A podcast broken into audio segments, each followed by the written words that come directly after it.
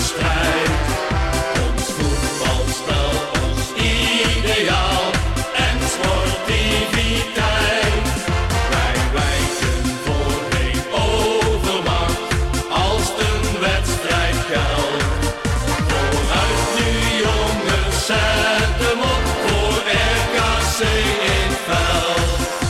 Bij weer een nieuwe aflevering van RKC Nu, de podcast. Vandaag spreken we met Iwan Redan, kijken we uitgebreid terug op de wedstrijden van de afgelopen maand, spreken we met de supporter uit Overijssel en blikken we naast de komende wedstrijden ook even vooruit op de transferwinter. vormen tezamen gezellig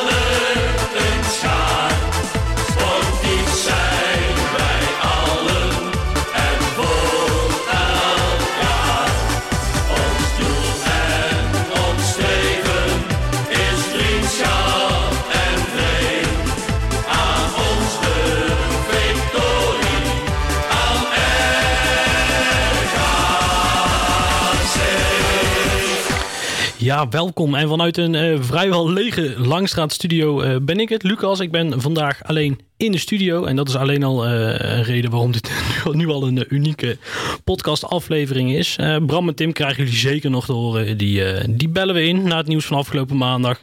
Hebben we besloten om dat dit misschien toch het zekere voor het onzekere te nemen.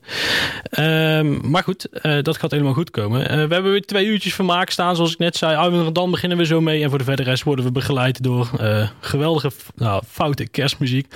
Samengesteld door, eh, door onze Tim. Maar laten we eerst maar eens naar eh Iwan gaan luisteren. Ja, Iwan, eh, tof dat je, dat je wil meewerken aan, aan onze podcast. En natuurlijk eh, van harte welkom in onze podcast. Thank you, thank you, thank you. Hoe, hoe gaat het tegenwoordig met je? Ja, ik mag niet klagen. Het gaat goed. Ik heb eh, vier kinderen, ik heb een vriendin en ik heb eh, een leuk bedrijf. Of twee bedrijfjes waar ik lekker actief in ben. En ik ben gezond, dus ik mag niet klagen. Nou, dat klinkt zeker goed. Wil je ons wat meer vertellen? Wat, eh, wat je voor bedrijven hebt?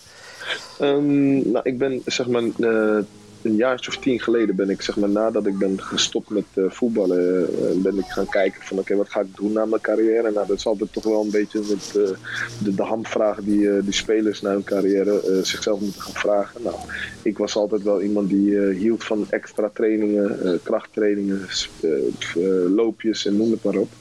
En dat deed ik ook in mijn periodes wanneer ik dus geen club had. En op een gegeven moment zei mijn vriendin eh, van... hé, hey, waarom ga jij niet ehm, trainingen geven?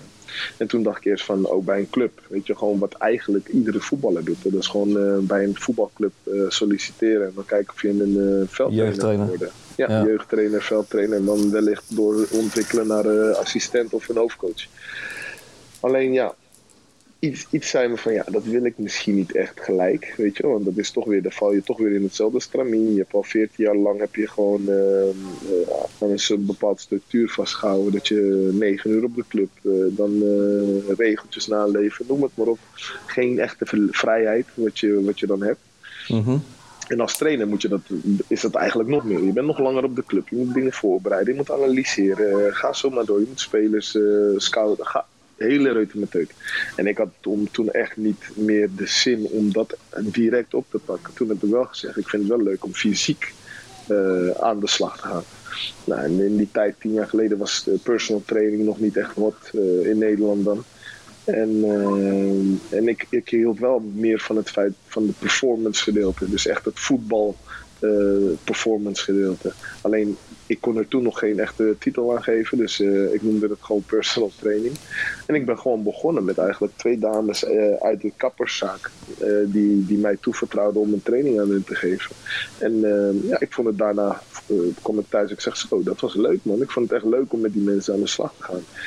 En eigenlijk is het toen het balletje gaan rollen. En toen heb ik eigenlijk, ehm, zonder dat ik eh, erbij nadacht, heb ik een hele brand lopen creëren. Van hé, hey, ik wil niet zomaar een, een gym starten met Ayman Redans personal training. Ik wilde wel echt een statement maken. Een, een, eh, een way of life, een filosofie erachter eh, meegeven voor de mensen die dan met mij gaan werken. En wat is die eh, filosofie dan, eh Iwan? Ehm, ja, iets wat ik eigenlijk tijdens mijn carrière heb moeten doen en heb meegemaakt. En dat is altijd mijn, mijn grenzen verleggen. eh, met ups en downs toch jezelf weer mentaal erboven boven knallen en eh, werken. Eh, mensen die je van buitenaf wellicht willen tegenwerken, maar dat je dan weer met het vertrouwen in jezelf moet hebben en het geloof dat je het wel kan opbrengen en wel kan halen om, om je doelen te bereiken. En, en toen kwam ik eigenlijk op de naam van Beyond Yourself. Iedere keer, iedere persoon in de, in de wereld doet dat. Eigenlijk de ene doet het bewust, de andere doet het onbewust. Maar we doen het allemaal. We willen allemaal het beste. Alleen eh, zijn we bereid om het beste eh, eh, te geven? Eh, zijn we bereid om offers te brengen? Zijn we bereid om echt de ultieme doelen na te streven?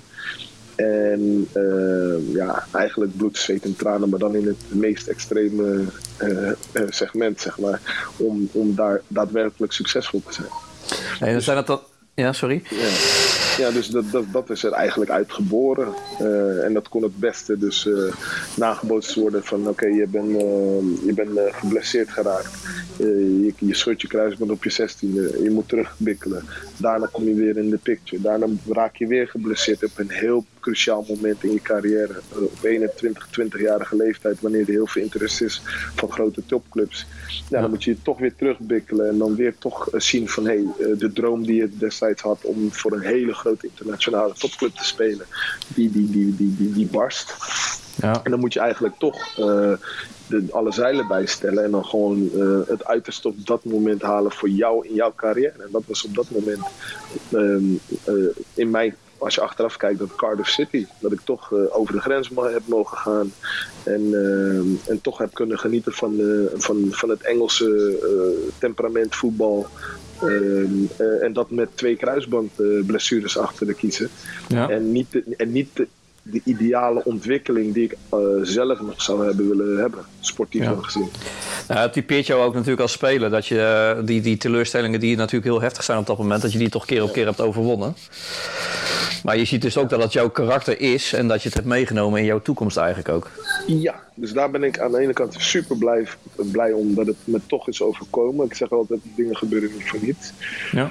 En ehm, ja, het is ook hoe je ermee omgaat. Kijk, en ik heb het ehm, denk ik een, een, een, een plekje kunnen geven, ook ehm, met de juiste ehm, tools en natuurlijk de juiste eh, richting van, vanuit mijn vriendin, die dan even een je zetje in de juiste richting geeft van hé, hey, waarom kijk je niet even naar de personal training of wat dan ook. Ja. En dat ik dan toch daarin mijn, mijn ei heb kunnen vinden. Nadat ik eigenlijk ook nog, als ik later terugkijk, ik ben nu al tien jaar bezig. En als ik kijk hoeveel mensen ik heb geholpen met hun eh, groei in hun leven. eh, dat dat eigenlijk dan nog mooier is dan hetgene wat ik destijds heb gedaan als alleen voetballen. Ja. Want ik vraag me dat ook heel vaak af. eh, vaak af van, toen ik voetbalde, ben je eigenlijk bezig voor jezelf, voor je team, voor je club, voor de fans. Maar wat doe je direct of indirect voor je medemens? En De dat, maatschappij. Ja. ja, voor de maatschappij. En dat vond ik eh, eh, achteraf dus heel eh, ja, intens. Weet je, ook na mijn auto-ongeluk die ik in 2007 heb opgelopen, was dat ook weer iets. Weet je, er komen toch weer vragen in je leven van hé, wat doe je met je leven? Wat heb je gedaan? Doe je alleen maar voetballen? Wat, wat, wat, wat, voor, wat voor waarde breng ik aan mijn medemensen, aan de mensen om me heen? Hoe kan ik iemand helpen? Ja. En toen ik dus toen ging nadenken van hé, hey, nu ben ik met mensen fysiek bezig, ik ben met hun gezondheid bezig, met hun mentaliteit, hun mentale weerbaarheid, eh, mensen positiviteit geven, eh, geloof in eigen kunnen. Nou, en eigenlijk op dat moment, als je dan ziet dat je een traject ingaat met een, met een, eh, een klant, of in mijn optiek een yander, mensen die dus eh, bij mij trainen noem ik yanders, mensen die dus bewust hun grenzen willen verleggen. Ehm, en je ziet dat je in, in het traject eh, heel, hele mooie doelen kan behalen voor, voor hun. Ja, en dat, dat ze je dan heel dankbaar zijn. En eigenlijk dat het ook onbetaalbaar is voor de dank die zij jou geven. En het gevoel wat je daarvan krijgt, ja, dat vind ik gewoon mooier dan eh, voetbal. ja, geeft waarschijnlijk heel, zeg. heel veel voldoening waarschijnlijk. Ja, want het is raar dat ik het zeg, maar ik ben nu onderhand ook vader van vier dus. En dan merk je dus ook van, als die kleine al zegt tegen je van, nee papa, ik hou van je of zo. Ja, dat is al de hele wereld kan dan vergaan, maar dat is dan het Ja. belangrijkste. Snap je? Ja, ja, zeker, ja. Nou, je, bent, je bent, was altijd die goal was altijd voor mij was Walhalla. Weet je, goals maken en eh, het publiek met je mee op, je op de hand krijgen en al die dingen. Ja, maar, het is ook, dan- eh, het is ook want de, de omgeving waar je... Dit zit natuurlijk sowieso in je karakter. Maar je bent natuurlijk, als je jonger bent, dan, ben je, dan moet je karakter zich nog vormen. En dan, dan overkomt je dingen. Je, je wordt gegroeid in, in het voetbalwereldje. Eh, dus dan ga je daarin mee. En nu ben je natuurlijk op een leeftijd gekomen dat je een ding hebt meegemaakt. Dat je bent gaan nadenken. En dat je tot Ja. andere conclusies misschien komt. Ja, zeker, zeker, zeker.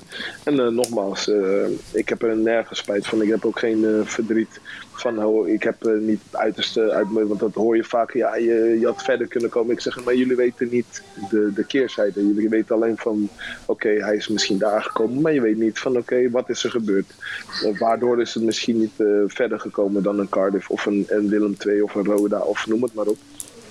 En, ehm, eh, en daar heb ik, dat, dat heb ik sowieso eh, naast me kunnen, eh, of achter me kunnen zetten.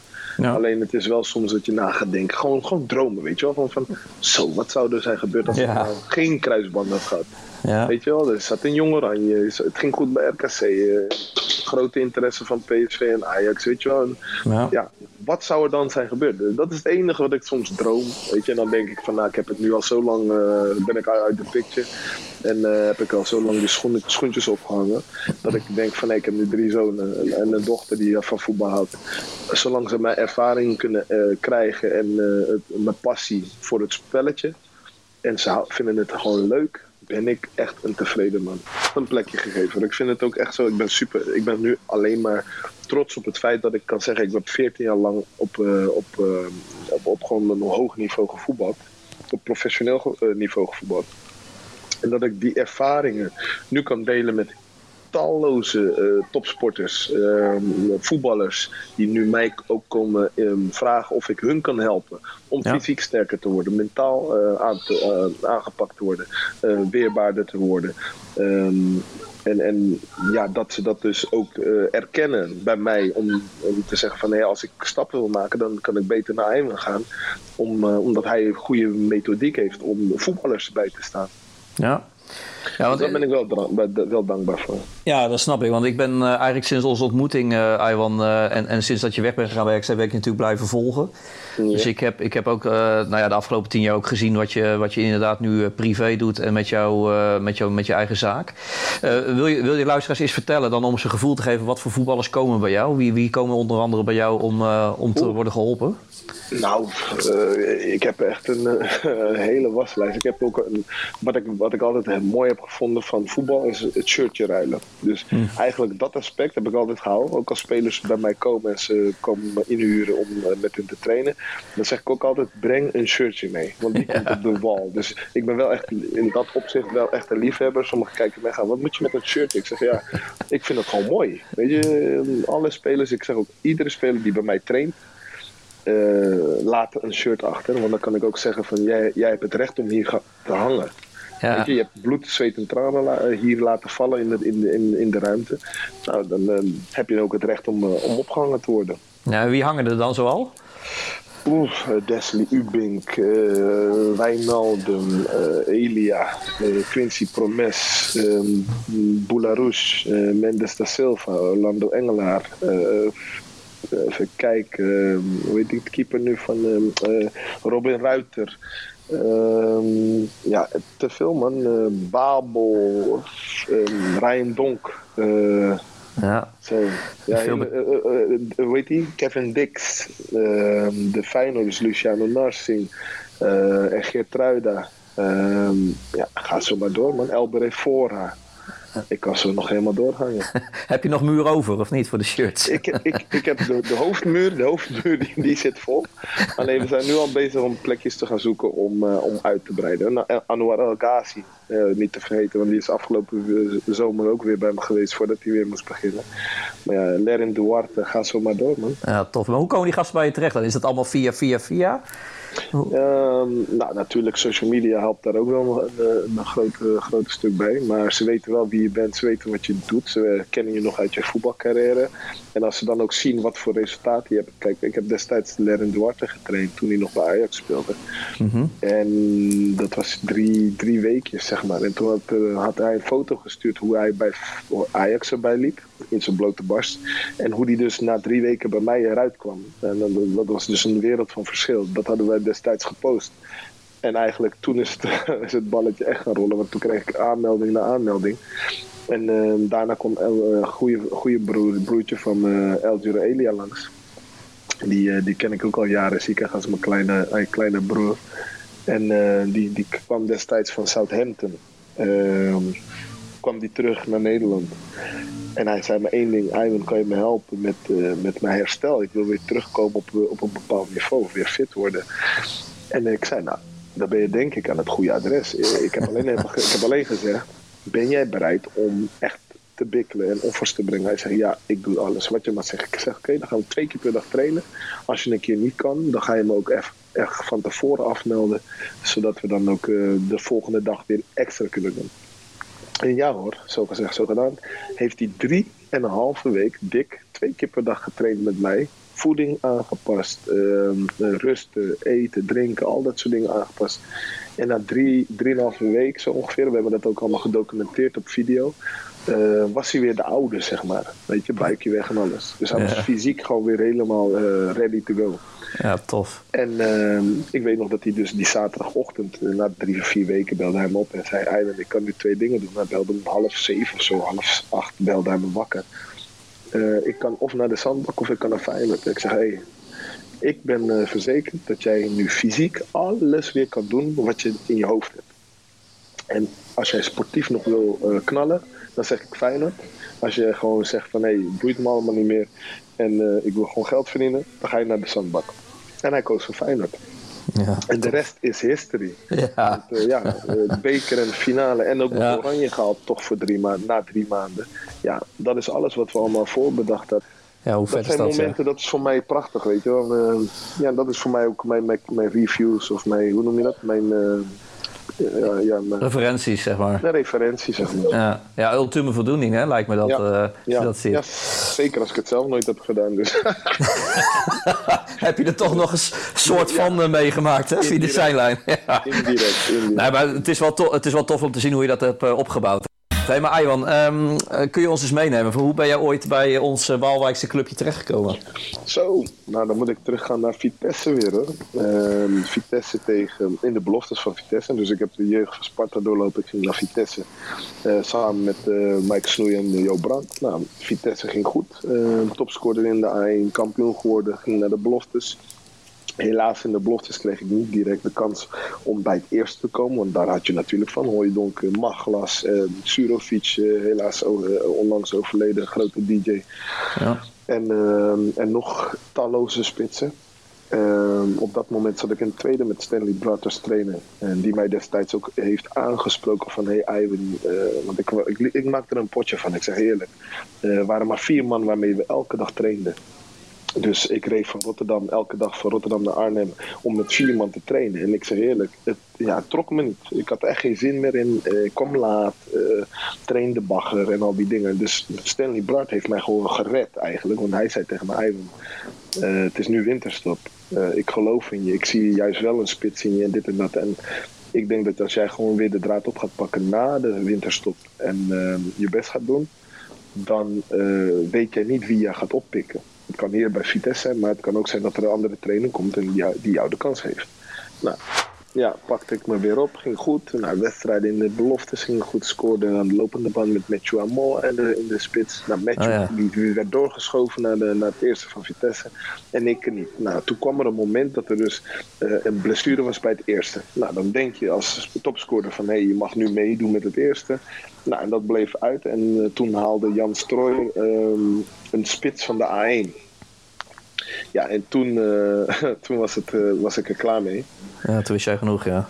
Ja, wist ik genoeg. En toen uh, is mijn zaakwaarnemer eigenlijk gaan kijken van... oké, okay, wat zijn de opties? Nou, en toen um, is eigenlijk... is, is RBC naar boven gekomen. Nou, RBC kwam naar voren. Hij kwam naar me toe. Hij zegt, Ivan, je kan nu naar RBC, eerste divisie. Eh, nadeel, het is wel eerste divisie, maar je bent elke week op tv. Eh, je kan jezelf eh, ervaring opdoen en al dit soort dingen. En als je het goed doet, komt er weer een andere club en dan kan je weer misschien weer een stap naar voren nemen. Dus eigenlijk een typisch gevalletje, één stap terugnemen om twee naar voren te doen. Ja. En ik heb het gedaan. Eerste weken kapot moeilijk. Ik zeg je eerlijk, het was moeilijk, moeilijk, hard, hard, hard. Ik stond tegen mannen als Hellemons, Erik Hellemons. Ja. eh, En, en noem ze maar op. En, en echt mannen gewoon nog. Weet je wel, je komt daar als 18, 19-jarig jongetje binnen. Maar dan staan daar gewoon echt, ja, eh, eh, ja bikkels gewoon.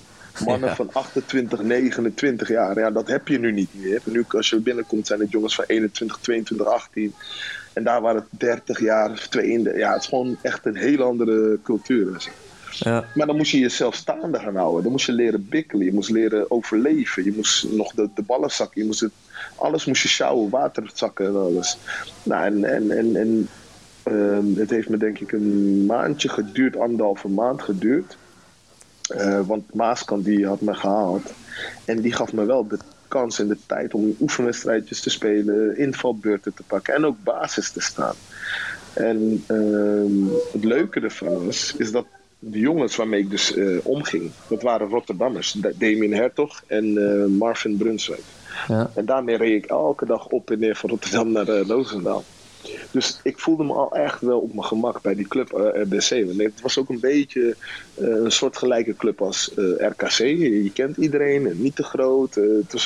ook weer een leuke club om, om te zijn. En ja, dan komt de na-competitie. En je schiet er een paar in. En dan zit Martin Jol en Marcel Brands op de tribune tegen Zwolle, dacht ik, of Cambuur. En je promoveert met RBC. Ja, dan ben je denk ik als jonge speler eh, en een spits... ben je denk ik interessant voor een club als RKC. ja. Want was je toen bij RBC gehuurd of was je echt eigendom, Ik zeg maar? Van, nee, eh, nee, nee, ik was verhuurd, ik was verhuurd van eh, Vitesse voor een, Ja. voor een korte periode.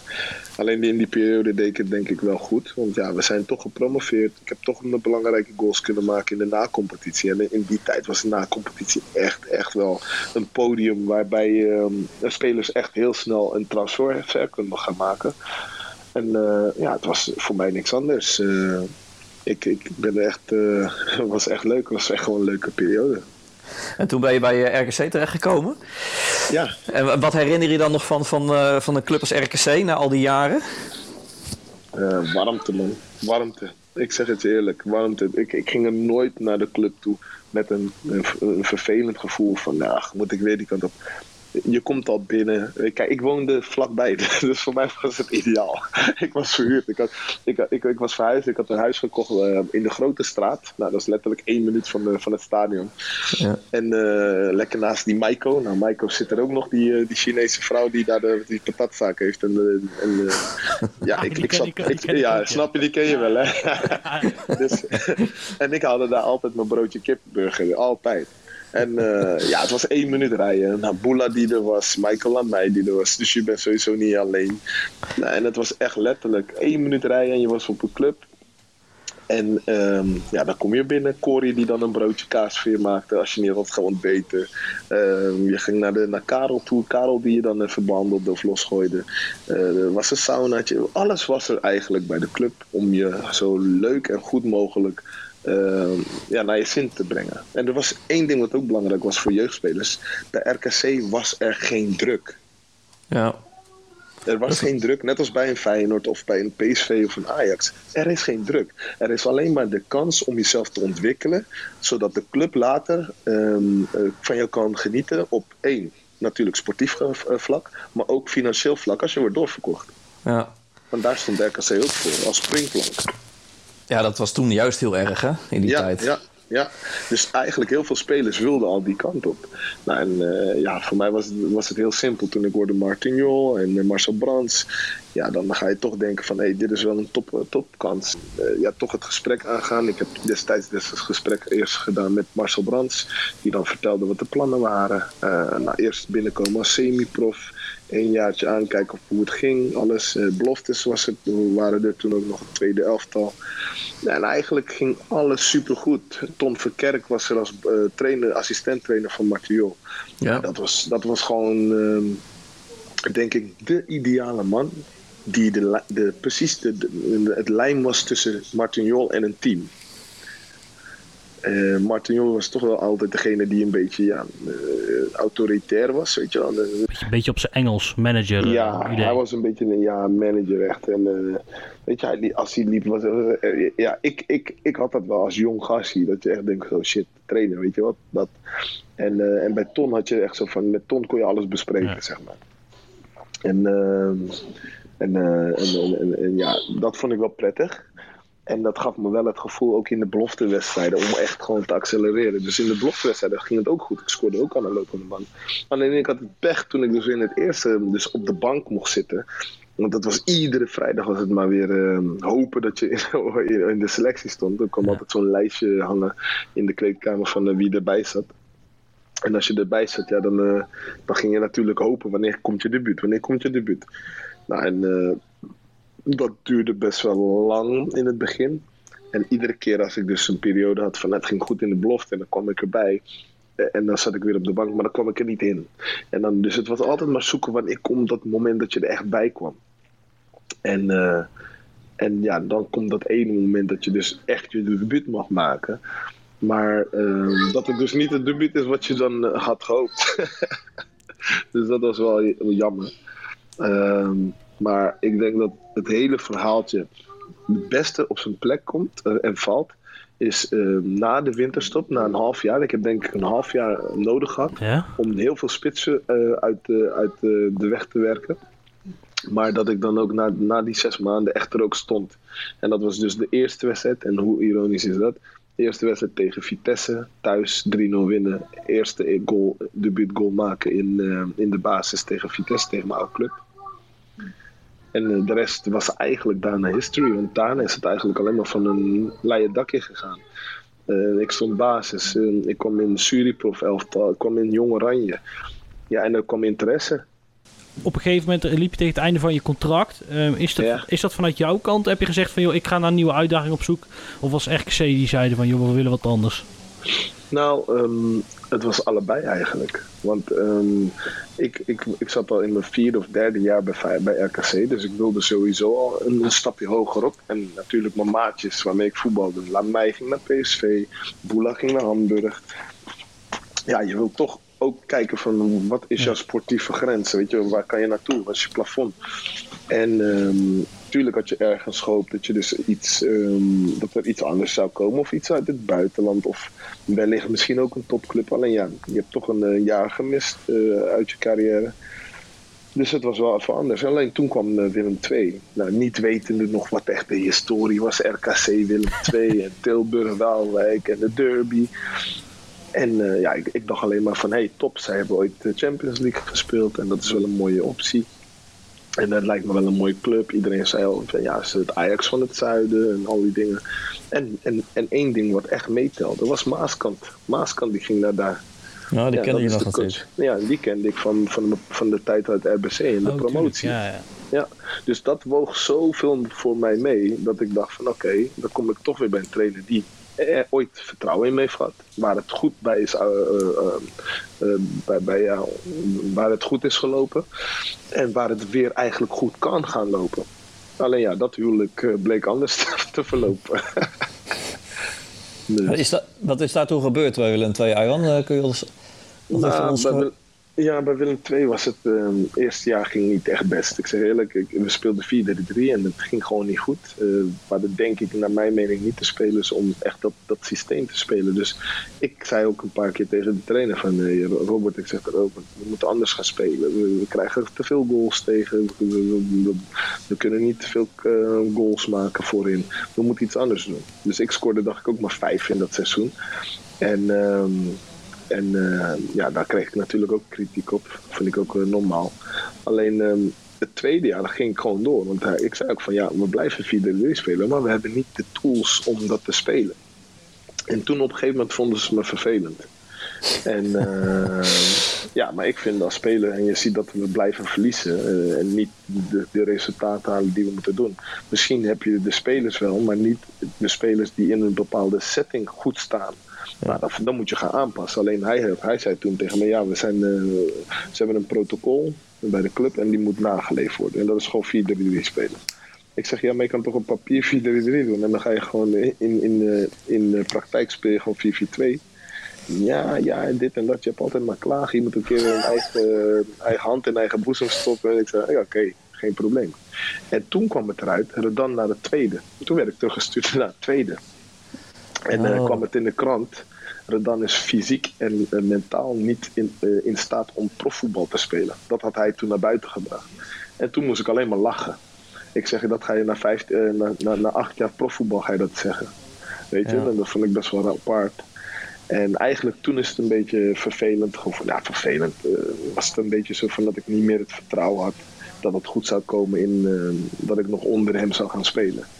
Nou, ik heb gewoon mezelf, denk ik, zo goed mogelijk gedragen als prof. Ik heb gewoon in de beloftes kei, kei goed mijn best gedaan. Ik scoorde ook aan de lopende band weer in de beloftes. De trainer destijds, ehm, ehm, de Ruiter, eh, Marco de Ruiter, die was, die was super blij met mij. Dus ik trainde op de, op de trainingen voluit, eh wedstrijden gewoon voluit. Ging gewoon echt goed. Maar ja, het eerste bleef maar verliezen, verliezen, verliezen, verliezen. Ja, en eh, ja, wat moet ik doen? Eh, ik kom gewoon op de club. Ik trainde eh, weliswaar niet met het eerste, maar ja, ik ben wel in dezelfde ruimte. Dus ik praat gewoon met die boys en al die dingen. En ja, je, je drukt toch ook een beetje op de begroting. Oh, dat soort dingen. Misschien speelt dat ook mee. Ja. Ja. ik bleef altijd positief. Nou, tot op de dag dus dat ze uh, Maaskant hadden ontslagen en dat eh, Kees Swanborn aan het roer kwam. En die eigenlijk besefte van hé, hey, die Redan, die drukt op de begroting, we moeten hem wel gaan gebruiken. En eh, ja, heeft hij een gesprek met me aangegaan en ik zei ja, hij vroeg me één ding, wil je nog voetballen? Ik zeg ja, tuurlijk, daarom kom ik elke dag hier. Zei hij nou oké, dan uh, kom je vanaf nu weer terug naar de selectie. En uh, dat was eigenlijk het jaar dat ik dus, was elf wedstrijden voor het einde, dacht ik, van het seizoen.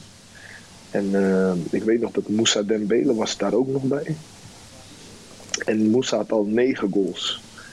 En einde van de rit, uh, einde van het seizoen, had ik elf goals, hij elf goals. Alleen ik had er ook nog twee in de na-competitie gemaakt. En waardoor Willem II dus ook in de na, uh, erin bleef. Dus het was een super jaar voor mij eigenlijk, uh, uiteindelijk. En het jaar daarna, dus in de voorbereiding van het nieuwe seizoen, was ik opeens captain van Willem II. Dus ja. hoe daar kan het lopen. Hoe snel gaat het gaan? Ja, kan het ja. gaan, ja. Hey, en daarna heb jij natuurlijk uiteindelijk uh, jouw uh, avontuur gehad waar je het eerder al over had. Hè? Wat, wat voor jou een mooi buitenlands uh, avontuur is geworden, toch? Ja, Cardiff City, man. Cardiff City was één genot. Ik heb helaas niet superveel mogen spelen. Maar gewoon het hele, het hele, ja, het hele hebben en houden, dat is gewoon prachtig. Je komt daar al aan bij de club. Er staat een rij van mensen die handtekeningen willen hebben.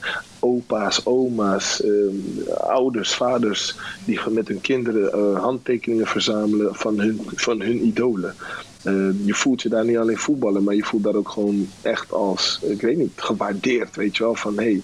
En dat is niet alleen de, de, eerste elf, maar ook gewoon de nummers 15 tot en met 24 bijvoorbeeld. Ja. En um, ja, dat merkte ik wel, dat dat ook een ander gevoel geeft als, aan jou als voetballer, als speler, dan hier in Nederland. Weet je, hier in Nederland zijn er de bepaalde spelers die toch wel echt de, de supersterren zijn. Maar daar ben je gewoon, als je al voetballer bent van de club, ben je, dus held. De, ben je een held, ja. ja. En, en, dat, en dat geeft jou zo'n lekker gevoel als je dus het veld op gaat, dat ze je ook onvoorwaardelijk steunen. Ja. Want hoe lang heb je daar gezeten, Aaron? Ik heb een half jaar gezeten daar, een half jaar tot een jaartje. Ja, en het grappige was dat ik dus daar nog, ik weet nog precies, we speelden tegen West Bromwich Albion. Ik viel in uh, in die wedstrijd, we stonden 1-1. Uh, nee, 2-1 achter stonden we. En wij waren aan het drukken, drukken, drukken. Het was een pittige wedstrijd, jongen. Ik, ik zeg eerlijk, ik heb nog nooit zoveel lange ballen gekregen in mijn leven. en uh, en uh, ik zei nog, na de wedstrijd, we verloren met 2-1. En ik zei tegen Glenn, potverdikke, maar nu moeten we eigenlijk naar, die, naar het uitvak toch, om te bedanken. Hij zegt, ja, let's go. Weet toch, kom maar gaan. We gaan even klappen. En hoe ik al dus naar die hoek liep, naar dat uitvak, keek ik met mijn hoofdje naar beneden. Want ik was Willem II gewend. Ik was alleen maar uh, op, op, opzoeken en uh, opwachten naar de wedstrijden, klagen en weet je wel, en uh, uitfluiterijen en al dat soort dingen, weet je wel. Dus ik was het helemaal niet gewend. En we liepen dus samen naar, die, naar de hoekvlag. En we keken dus naar de derde ring, waar dus die eh, supporters van Cardiff waren. En dan zag je allemaal blote barsten en de Cardiff en blauwe dit en dat. En, het enige wat je hoorde is, Cardiff, we you, we love you Cardiff, we do. En nou, klappen, klappen, klappen. En ik zeg, hè? Toen zei hij, begin te klappen jongen. Dus ik begon te klappen en eh, ze te bedanken, weet je, voor hun opkomst. En hij zei, toen zei hij maar één ding. En dat is me nooit meer weg. eh, als je me altijd bijgebleven. Hij zei één ding. Zolang je in Engeland bikkelt, ben je een baas voor hem. Dan ben je een held. En dan kan je, mag je alles fout doen. En ik zei toen één ding, één ding wat ik alleen tegen hem zeg. Nou, dat is iets heel anders dan in Nederland. Maar ja, het is echt bijgebleven. ja, ik wil zeggen, het zegt genoeg dat het je zo bijgebleven is. Dat je het zo helemaal nog kan eh, vertellen eigenlijk hoe dat toen ging. Ja, man. Ik ben wel een gevoelsmens. Weet je. Ik, ik weet nog dat ik met Willem II een keertje tegen RBC speelde. En het stond 0-0. We kwamen er niet langs. We kwamen er niet door. En het publiek ging fluiten. Weet je, tuurlijk, het is normaal eh, fluiten. Weet je, je moet gewoon winnen en zo. Maar steun dan, in principe, weet je. Want met door fluiten ga je, dus, ga je ons niet beter laten voetballen. Ga je ons luisteren een gevoel geven van, potverdomme, eh zij gaan ook al tegen ons. Ja. En, en eh, dus dieptepaas Bobsen op Kaluwe. Kaluwe kapt hem af, paast hem breed en ik schiet hem met links erin. En toen liep ik weg en toen was ik best wel geëmotioneerd. Dus ik ging met mijn vingertjes zo voor op mijn mond. Zo van, fluiten jullie nu dan, weet je wel. En, en dat is, ben ik ook op aangesproken later. Van, hé, hey, dat had je niet moeten doen. En dan denk ik van, ja, maar zij mogen dat wel doen, maar ik mag niet reageren. Weet je wel. Ja. Dus dat vond ik wel ook heel apart. Van, ehm, wij moeten altijd maar als voetballers eh, de perfecte voorbeelden blijven. Maar eh, we zijn ook mensen. Ja. Als, als, als, als iemand een reactie doet naar jou of je uitfluit, waarvan je eigenlijk het vertrouwen moet krijgen en het, de steun moet krijgen, ja, dan mag je best wel ook een bepaald signaal afgeven van hey guys, eh, nu mag je dan ook fluiten. Nu scoor ik voor je, dus net een tien seconden geleden fluit je ons uit. Nu scoor ik hem en dan ga je hem maar toejuichen. Ja. Dat vind ik best wel raar. Dan vind ik Ja. eigenlijk, als je echt een supporter bent, dan moet je doorfluiten. Ja, ja, nou ja, maar ik denk dat we gewoon een conclusie kunnen trekken, Iwan, dat jij gewoon veel beter in het geel-blauw paste dan bij die kruikenzeikers. Ik denk dat dat een beetje de... Ja, ja, vind ik wel. Vind ik wel. Uiteindelijk gezien was het wel. Ik denk ook, ik denk ook als ik achteraf gekeken heb, denk ik dat ik misschien eh, iets langer had kunnen overwegen. Of, of ik naar Willem II had moeten gaan. Of dat ik nog misschien even iets langer bij RKC moet bewachten tot er een andere optie was gekomen. Maar ja, dat is altijd koffie naar een Ja, zeggen. koffie te kijken. Maar ik mag gewoon zeggen, ook Willem II heeft mij mooie tijden meegegeven. Ook in het laatste, ene laatste jaar. Niet het laatste jaar, maar ene laatste jaar. Ook toen ik eh, met Moussa dus in de spits stond. Ja, dat was gewoon prachtig. En eh, dat ik toch ook nog captain ben ge- geweest van zo'n club. Ja, dat zegt ook wel wat. Ja, zeker weten. Ja, dat zegt heel veel. Hey, zijn er dan nog clubs die jij, eh, tot, tot, tot, slot, eh, die jij echt nog actief volgt eh, in het betaald voetbal? Ehm, ja, natuurlijk. Ik kijk altijd wel met een schuin oogje nog een beetje naar de naar RKC. Weet je, wat gebeurt daar? Weet je wel, eh, wie lopen er? Wat voor spelers? Eh, ja, blijven ze erin? Blijven ze er niet in? Nou, eh, en dat heb ik wel meer met RKC dan met Willem II. Kijk, Willem II die is nu alweer gewoon een gevestigde orde geworden in de eredivisie. En RKC Ja. is, ja, die moet toch wel elke keer blijven bikkelen. Ja, klopt. Maar ik heb niet echt een favoriet meer. hoor. Ik zeg eerlijk, nadat ik klaar ben met voetballen, ehm, geniet ik gewoon lekker van de rust en de vrijheid die ik heb. En, ehm, en, en gewoon mijn zoons en mijn dochter gewoon eh, st- steunen met hun eh, voetbalcarrières of met hun voetbalplezier. Laat me het daarop houden. En ehm, en that's it. En eh, Nou, wie- mijn zoontje speelt nu voor Feyenoord en mijn dochter speelt nog voor de lokale club. Dus ja, Ja, ze zijn allebei toppers voor mij. Ja, zeker weten. En wie weet, eh Iwan, komen we je toch nog een keer tegen als voetbalvader eh, bij RKC eh, bij een verhuur van, van je zoon. Of Wie eh, ja, je weet nooit hoe het wereldje kan lopen, toch? In ieder geval, als hij, als hij in die positie zou komen, zal ik hem altijd adviseren om bij RKC te gaan. Ja, top. Dat gaan we onthouden. Dat gaan we onthouden. Hey, dan wil ik jou nog één ding meegeven. Dat is even leuk ter afsluiten. Wij hadden vorige, vorige maand, toen wij samen contact hadden over eh, de podcast van deze maand, of jij wilde meewerken. Ehm, toen hadden wij daarna, toen je had gezegd, ja, tuurlijk graag, dat doe ik graag. Toen had ik een eh, berichtje geplaatst op eh, Twitter van jongens, we hebben een, een, een belangrijke, leuke spits vanuit het verleden die wil meewerken in onze podcast voor de maand december.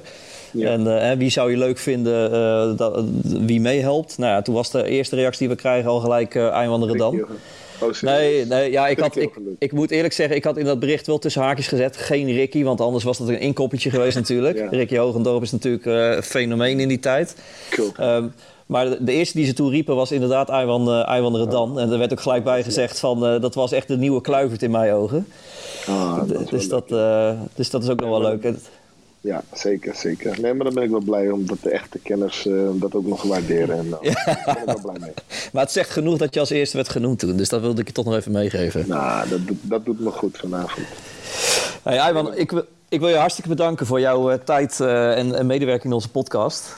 Geen dank. En, ik eh, vond het heel leuk. Ik vond het echt eh, gezellig. Ik heb lang niet, eh, ja, geen, lang geen interviews of gesprekjes gehad. Eh, heel af en toe met eh, Fox Sports of eh, TV Rijnmond. Maar altijd voor de Yellow Blue Army.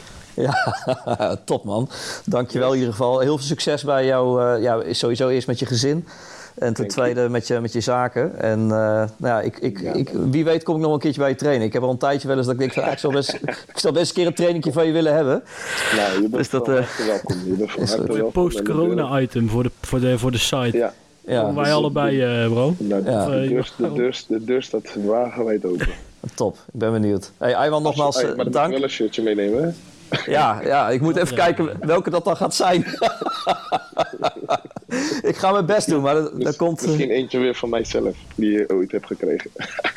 Ja, nou misschien wel. Ja. Ik heb er ook nog eentje van die tijd met jouw handtekening erop, maar ook nog met de rest erbij. Weet ik nog, met de Richa en eh, die gasten allemaal. Dus eh, nou, we gaan het zien. Komt we gaan het zien. komt ja. komt.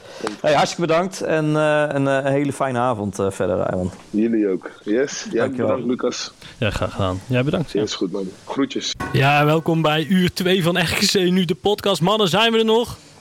Jazeker. Ja, zeker. Ja, top. Maar het is toch, ik moet eerlijk zeggen, in zo'n studio zo en dan in mijn eentje is het een beetje eenzaam. En goed, ik heb dat eh, interview van Randan inmiddels al twee keer gehoord, want ik heb het, eh, ik, ik heb het ook geëdit. Maar als ik dan jullie stemmen hoor, man, dan voelt het toch weer een heel klein beetje als thuis. Ja, je, moet- je hoeft nog net geen eh, traantje weg te pinken.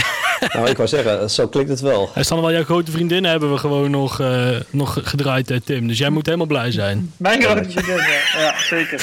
Ja, maar Emma Heesters was dat met een niets ontziedende titel van het liedje Als de eerste sneeuw valt. Wie had dat gedacht? Hey, ehm, ehm, oh wat geweldig dit. Mannen, als je tegen mij gezegd had, de vorige podcast, de volgende keer staan we met zeven punten meer. ehm, nou, dan had ik je misschien wel voor gek verklaard. Nou, Ja, wel volgens schema toch? Europees voetbalschema. ja, dat... eh, zoiets. Nee, wij gaan de wedstrijden gaan we gewoon eventjes eh, rustig eh, aflopen. Ehm, we- nou, de eerste wedstrijd van deze maand was natuurlijk eh, RKC Heerenveen. Eh het werd helaas maar 1-1. Twee, terug, twee eh, terugkeerders in de basis. Kwasten was eindelijk weer fit. Die heeft een eh, blessure achter de rug. Ja, en natuurlijk eh grote succesverhaal Richard van der Venne. Ja. ja. ik denk dat jij meer eh, spelers moet gaan interviewen, Bram. Misschien gaat er dan ook wel weer spelen nu. Ja, precies. Nee, ja, je, eh, kijk, eh, we hadden de interview natuurlijk met Richard. En toen, ja, Bram, jij bent al langer fan van hem, eigenlijk sinds hij bij ons zit. Ehm, ja, door de manier waarop hij bij Go Ahead voetbalde. En jij zei eigenlijk constant bij ons ook van, ja jongen, geef die jongen, geef die jongen nou een kans. Want als hij gaat, dra als hij gaat draaien en, en het team gaat om hem heen goed draaien, ja, dan heb je eh, echt een geweldige speler aan hem. Nou, jij interviewt hem en geloof dat hij twee dagen later een hat maakt in de oefenwedstrijd tegen Utrecht.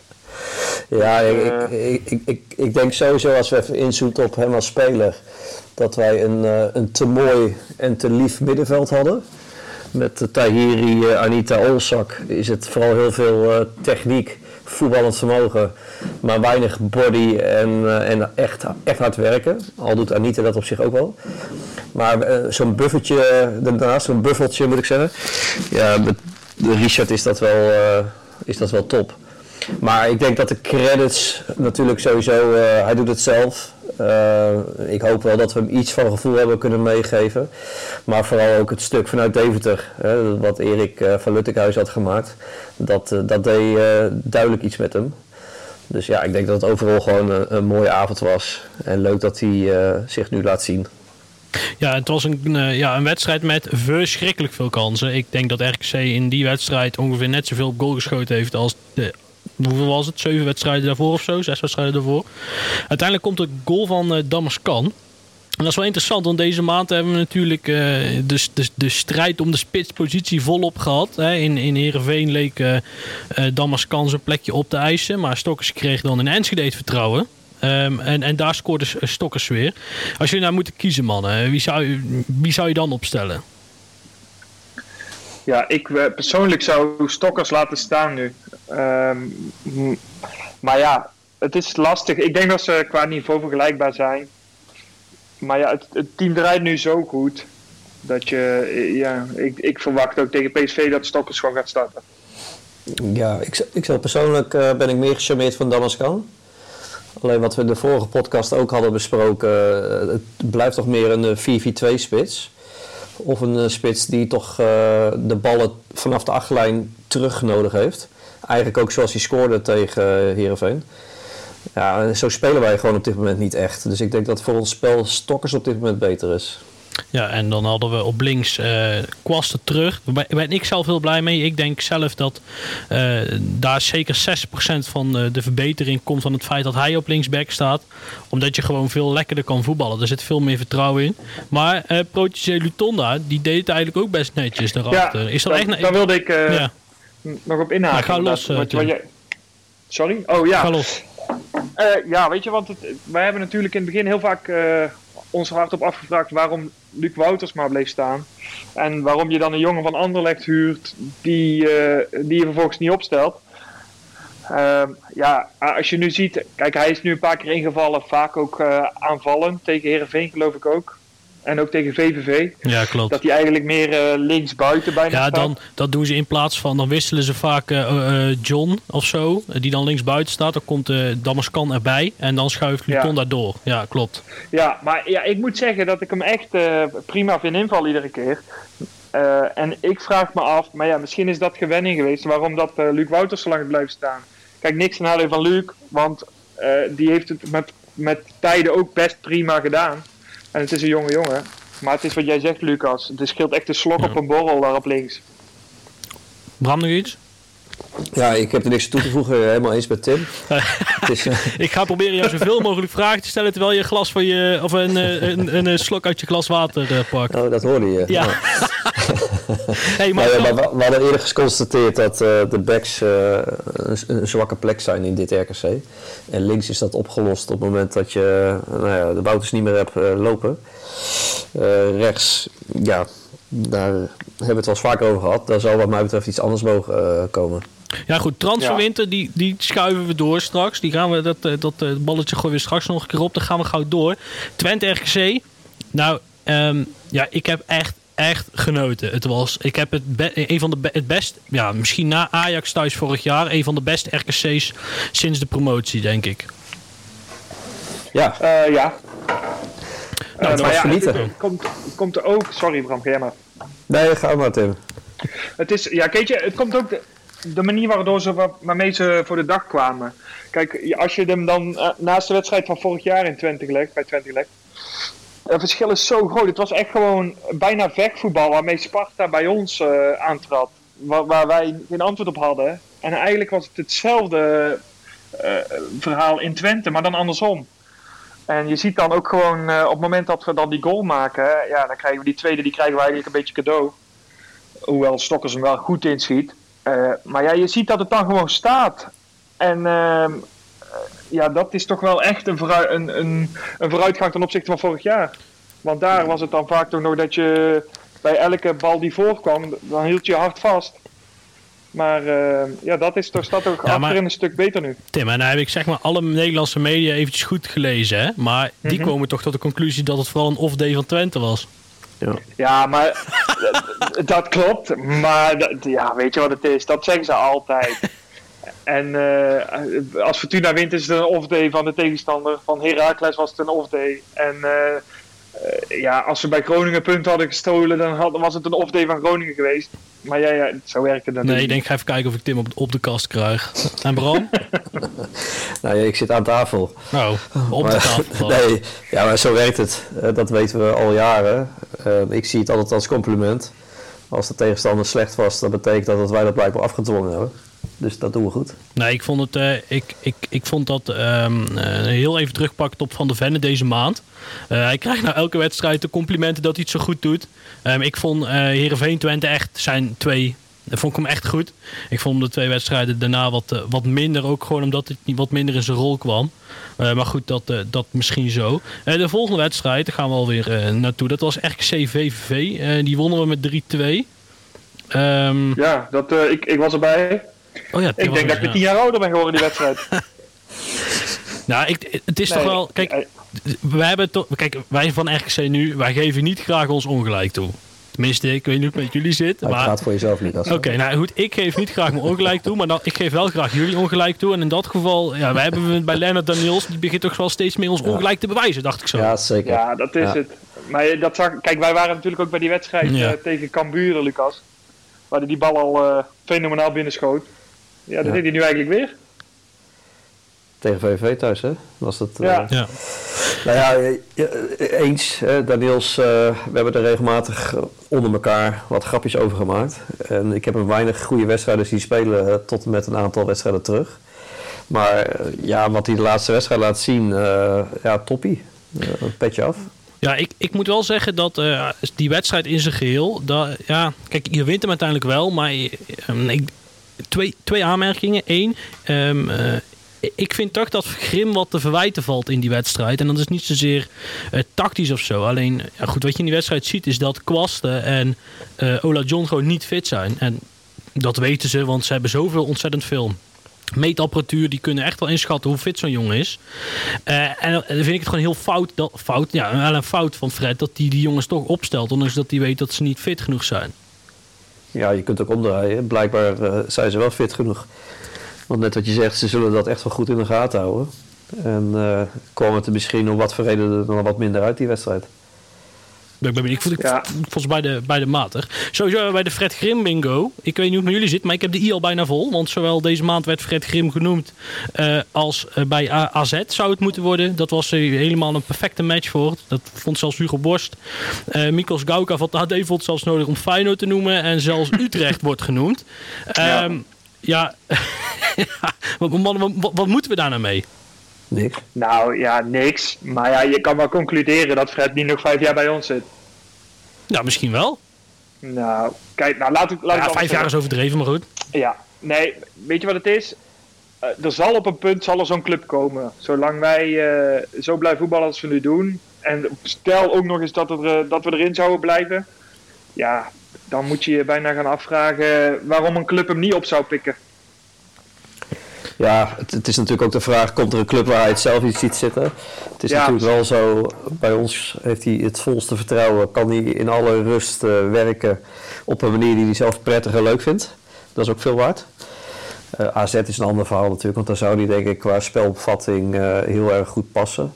Maar er zullen ook echt wel clubs zijn waar hij misschien wel denkt, "Hmm, maar liever niet. Ja, dat blijft ook die eeuwige, ja, dat een beetje de discussie die altijd rondom Fred, Fred Grim blijft hangen. En waar ik het heel graag een keer met Fred zelf over zou hebben, is dat, ja, wie is er nou, zeg maar, is Fred nou groter dan RKC? Zeg maar, de status van Fred Grim. En dat vind ik altijd een beetje een, moeilijke, want kijk, wij zijn natuurlijk supporters, dus wij vinden het al, ja, nou niet heel snel goed, maar ehm, eh, wij zien alle goede dingen net iets uit, meer uitvergroot dan iemand die van buitenaf staat.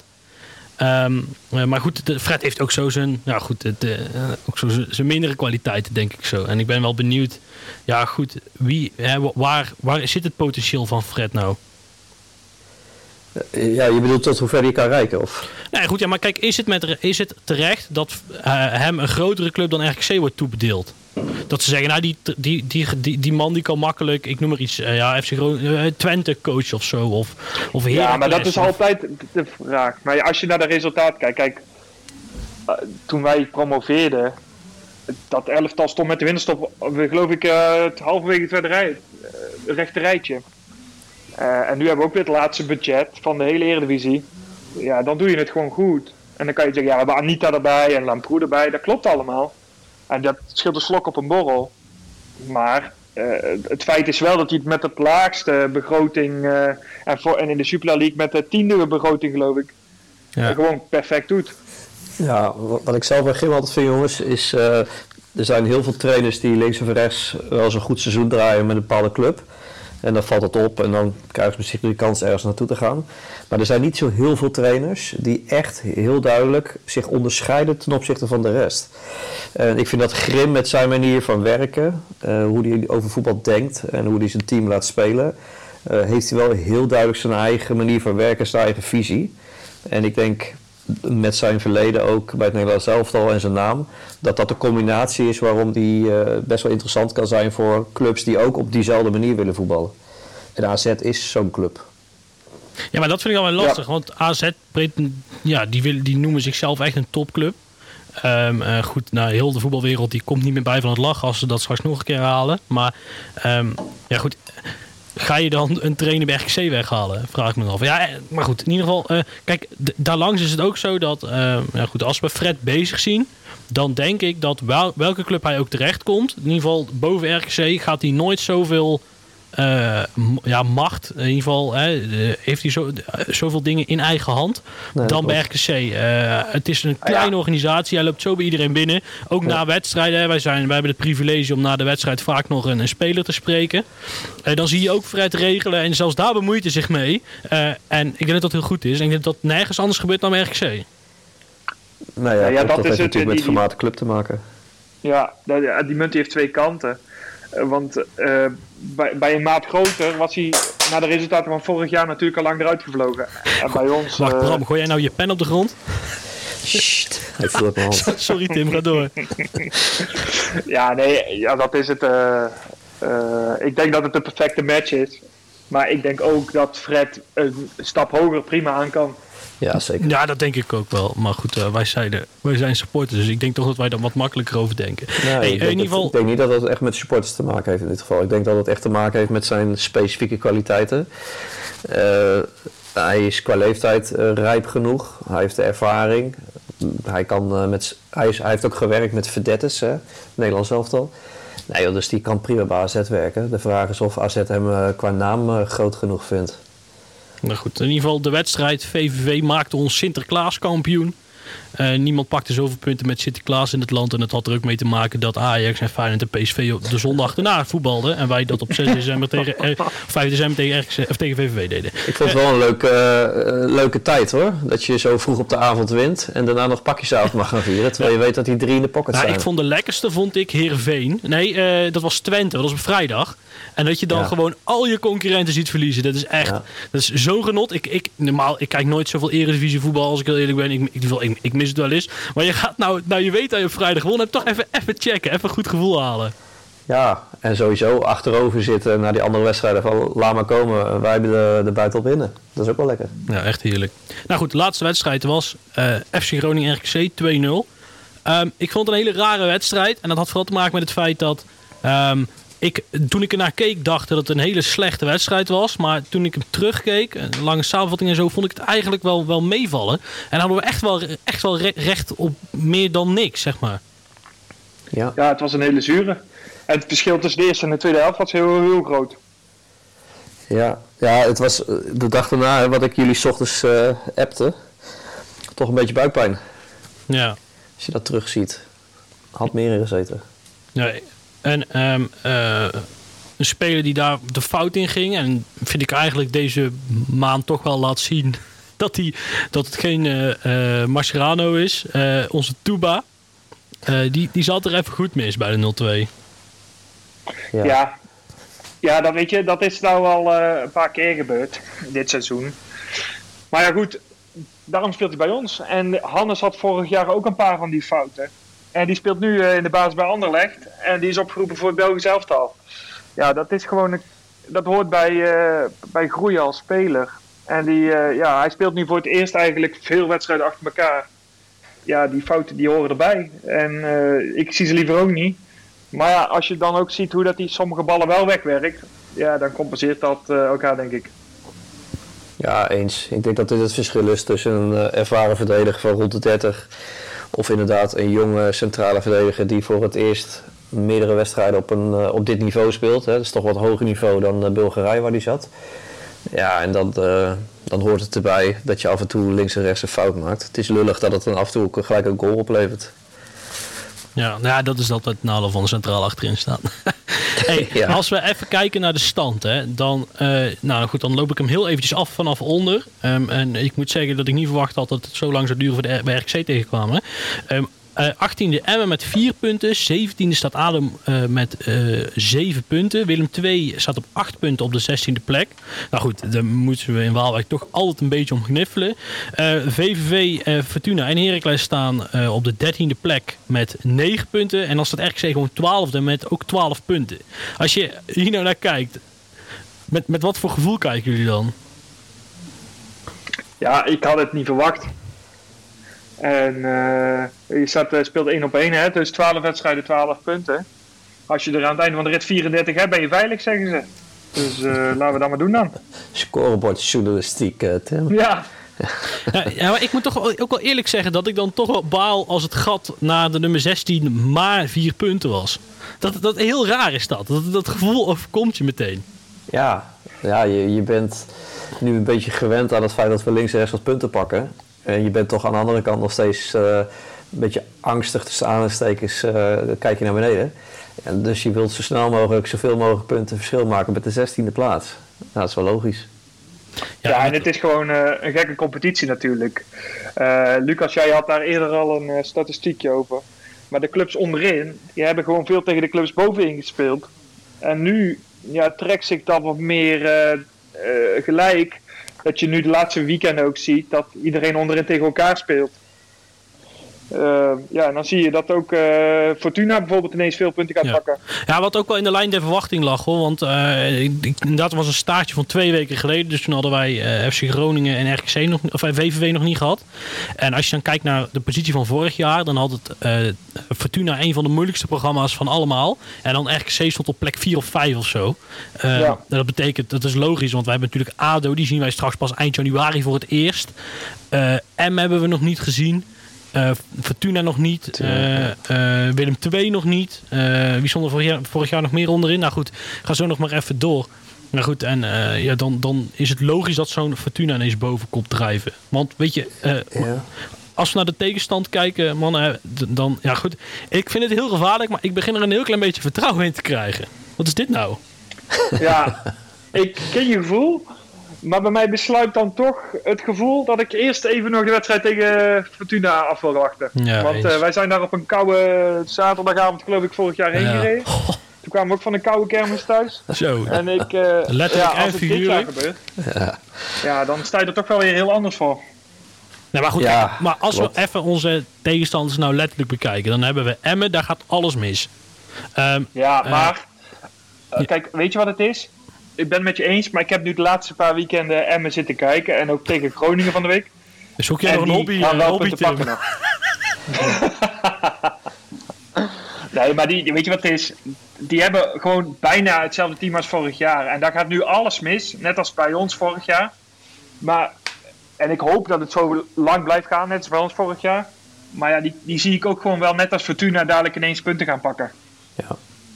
Ja, eens. Ik vind eh Emmen qua voetbal behoorlijk spelen. Eh, Ze geven de goals eh, te makkelijk weg. Maar ik ben ook niet helemaal gerust op hoor. Ik had dat met Fortuna een beetje hetzelfde. Al hebben die echt veel geluk gehad de afgelopen wedstrijden met die punten die ze gepakt hebben. Dat vind ik dan wel jammer. Die komen nu misschien in de flow doordat ze die, eh, die mazzel hadden. Ja, Willem II blijft dat ook een gevaarlijke ploeg. Hè. Daar zit natuurlijk echt wel kwaliteit in. Ze staan veel te laag voor de kwaliteit die ze hebben. Dus het is eh, niet te hopen dat zij een, eh, een serie gaan vinden waarin ze eh, ineens wel gaan winnen. Dan, dan heb je een probleem. Ja, onze grote Ja, vrienden. nou, nou krijgen Nee, ga door. Krijgt nog AZ en Ajax geloof ik. Dus Ja, voor de zullen- winststop. Ja. Ja, de- dus die zullen tot de winststop Nee, kijk, niet heel veel gaan stijgen. Dat staartje wat ik net noemde, daar had Willem II juist hele grote problemen. Want die hebben eh, vooral lage, echt wel een hoop lage ploegen Ja. gehad. Ook weer van Sparta Klopt, ja. verloren. En dat is wat ik nog steeds... Kijk, we, gaan- we draaien RKC draaien we echt heel lekker. Maar wat ik echt mis... En dan gaan we straks naar, eh, naar Coldplay toe, Tim. Ik weet dat jij klaar zit. Ehm, eh, eh, dat is dat net even dat eh, onoverwinnelijke even. Net even zo'n moment dat je... Dat, dat is ook weer dat wat VVV net heeft. Dat je uit, out of nowhere ineens een goal maakt. En, en dat, dat missen wij nog echt. En als je dat hebt, dan, heb ik daar, dan gaan we het makkelijk halen. Ja, eens. Dat heeft ook weer te maken met je spitsen, denk ik. Hè? We hebben niet de spitsen die er even zomaar eentje in leggen uit het niets. Wat je vroeger met Hogendorp had, met een schot uit het niets die ineens Ja. dan hing. Maar ja, dat... eh, Ja, maar ook daaronder, Bram. Want als je nou kijkt naar Sparta, daar staat Lennart Tiestaat voor in. Dat vind ik nou niet, dat is niet de hoge dorp van nu. En Nee. eh, toch hebben die, hebben het, maar ik, misschien dat dat ook is omdat je eh, iets kritischer misschien kijkt naar je eigen spel. Eh, ehm, eh, ik, ik vind ook nooit dat we terecht verliezen. Of ik vind, ik vind zelden dat we onterecht winnen, zo moet ik het zeggen. Misschien is dat een beetje hetzelfde gevoel. Ja, nou ja, eh, het feit is natuurlijk dat we relatief weinig scoren ook dit eh, seizoen. Eh, dat we ook relatief wat minder tegenkrijgen. Hè? Dat, wat Tim ook terecht zei eerder al. Dat, dat helpt je. Maar het blijft natuurlijk... Ik geloof dat we gemiddeld één doelpunt per wedstrijd maken. Ja, dat is Ja, natuurlijk... we hebben er 11 gemaakt in 12 Ja, wedstrijden. Ja. Ja, dus dat is nog niet eens één per wedstrijd. Dat is natuurlijk gewoon echt heel erg weinig. Dus dat, dat mag best wel een stukje omhoog, ja. Nou ja, laatste maand bijna twee. Dus Verdiend wat dat betreft zit Wat er verbetering. Lucas? Nee, nee, nee, nee. Transferzomer ging, Ja, ja, ja. De transferwinter gaan we straks doen, Bram. Ik weet dat jij daar een, eh, een heel mooi stukje voor hebt voorbereid. Nee. Nou, Ton, in ieder geval welkom in de, welkom in de podcast. Ehm, ja, om eens even een klein dingetje. Ja, ik stel, stel jezelf eens even voor als je wil. Kort. Ja, dat ga ik even doen. Nou, ik ben eh Ton Ringenier. Even eh, geboren en getogen in eh, Kampen. Ik ben inmiddels 31 jaar oud. Ik ben getrouwd en ik heb een zoon die heet Teun. Die is niet vernoemd naar koopmijners, maar eh, ja, gewoon naar mijn familie, zeg maar. ik, eh, ik doe eh, boekhouding of werk, boekhouding voor een afbouwbedrijf. Ik speel competitie tafeltennis, wat momenteel helemaal stil ligt. Verder ben ik veel met muziek bezig. Ik hou van een stevige metal. Vooral christelijke heavy metal trouwens. 90%. Ja, en ik ben natuurlijk fan van RKC. Dat is eigenlijk ongeveer het belangrijkste. Maar Ja, en dat is ongeveer vanuit de kamp. Wat natuurlijk best wel, best wel een bijzonder verhaal is. Maar daar gaan we, dat gaan we ja. Ja. goed, daar, daar, daar- komen we lopende wijze achter. We gaan netjes de vraag afwerken. Hey, eh, vraag helemaal 1. goed. beschrijf RKC eens in één zin. Dat, ehm, dat, dat, nou, wat in mijn achterhoofd bleef hangen, dat is vooral eh, weinig middelen tot grootste dingen in staat zijn. Vraag 2. wat is er zo mooi aan RKC? Ja, ik merk dat vooral van veraf, maar het lijkt heel erg eh, warm en familiair en gewoon eh, ja, informeel, zeg maar. Niet zeg maar zo'n zo'n g- prof, of ja, echt zo'n Ajax-sfeertje, maar gewoon wat eh, warmer. Hele warme uitstraling. Vraag 3. Weet je je eerste wedstrijd van RKC nog? En vertel er eens over. Ja, dat is een vraag, dat, dat wist ik dus niet, eh, eigenlijk niet echt meer. Want ik heb eigenlijk alleen alles op afstand moeten volgen. Maar ik had wel een van de eerste herinneringen van televisie. Televisie, dat was vooral in de tijd van Redan en dergelijke. Dat was eigenlijk de eerste kennismaking. Daar- Ik was toen als klein jochie helemaal gek van eh, Redan, zeg maar. Want Ik was toen een jaartje of tien. Dus dat staat me allemaal wel in beeld dat hij wel een keer Dus- of dus eh, elf dat is eigenlijk zo begonnen? Ja, ik denk het wel een beetje, ja. Eh, combinatie van Martin, Martin Jol, dus die die uitspraak deed van met weinig middelen goede prestaties halen. En dat is eigenlijk steeds meer gaan groeien. En eh Redan en Hogendorp die hebben daar nog een steentje verder aan bijgedragen, zeg maar. En toen ben ja, eigenlijk is het sinds een jaar alleen maar meer gegroeid. Het, het is denk ik toch gewoon, eh, dat heeft zeg maar een soort van zaadje gelegd van die uitspraak van weinig doen, weinig middelen. En ik heb een, best wel een aversie tegen arrogantie of grof grote clubs, zeg maar. Daar heb ik altijd al een beetje een aversie tegen gehad. En dat is eigenlijk blijven groeien elke keer. En sindsdien volg ik het, eh, dat is denk ik inmiddels al, ik denk al 17 jaar nu dan. Het en eh, geen ander, weinig andere clubs interesseren me, zeg maar. Eh, wat zou volgens jou beter of anders moeten bij RKC? Nou, ik denk niet zoveel eigenlijk momenteel. Ik denk als je die vraag vorig jaar had gesteld, dat ik misschien wel iets, eh, eh, iets had kunnen toevoegen. Maar eigenlijk is nu de, een betere weg ingeslagen door eh, jongere mensen zeg maar, aan te trekken voor langere tijd. En, en vanuit daar ook weer, weer nou ja, de, die hebben natuurlijk een verkoopwaarde straks. Ja. En dat er weer nieuwe, eigenlijk krijg je dan een vicieuze cirkel. Dan krijg je weer nieuwe jonge gasten die Dus dat is denk ik wel een beetje de, eh, waar RKC eh, het moet van hebben, zeg maar. Dus eigenlijk denk ik dat momenteel eh, de goede lijn helemaal wel is. Ehm, wat is dan jouw mooiste RKC-moment? En dan, dan tellen we Goat Eagles uit natuurlijk niet mee, want dat is een, Nee, een inkoppertje. Ja, dat was hem eigenlijk, ja.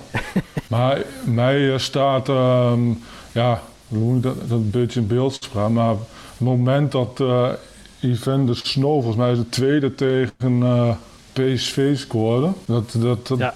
dat was echt een, ja, hoe zeg je dat moment? Dat was eh, ja, een beetje of, eh, een Simpson, echt zo'n zo'n beer van een keel en de rest eromheen was klein, zeg maar. Ik dat snapt toch- wat ik bedoel. Ja, ik wel, maar ik denk dat een groot gedeelte van onze luisteraars even moet googlen wie Simpson ook alweer was. Nou ja, laten we zeggen, een oerkrachtig Ja. mens, zeg maar. Echt een heel groot, sterk. En ik, eh, ja, ik heb daar zeg maar, zulke herinneringen aan. Ja, Van ik- echt ja. enorm. Wat, wat, maar ook gewoon de manier waarop hij na die tweede goal rondloopt. Gewoon een oermens, zeg maar. Dat, vond ik, dat blijft dat beeld, dat vergeet ik niet meer, zeg maar.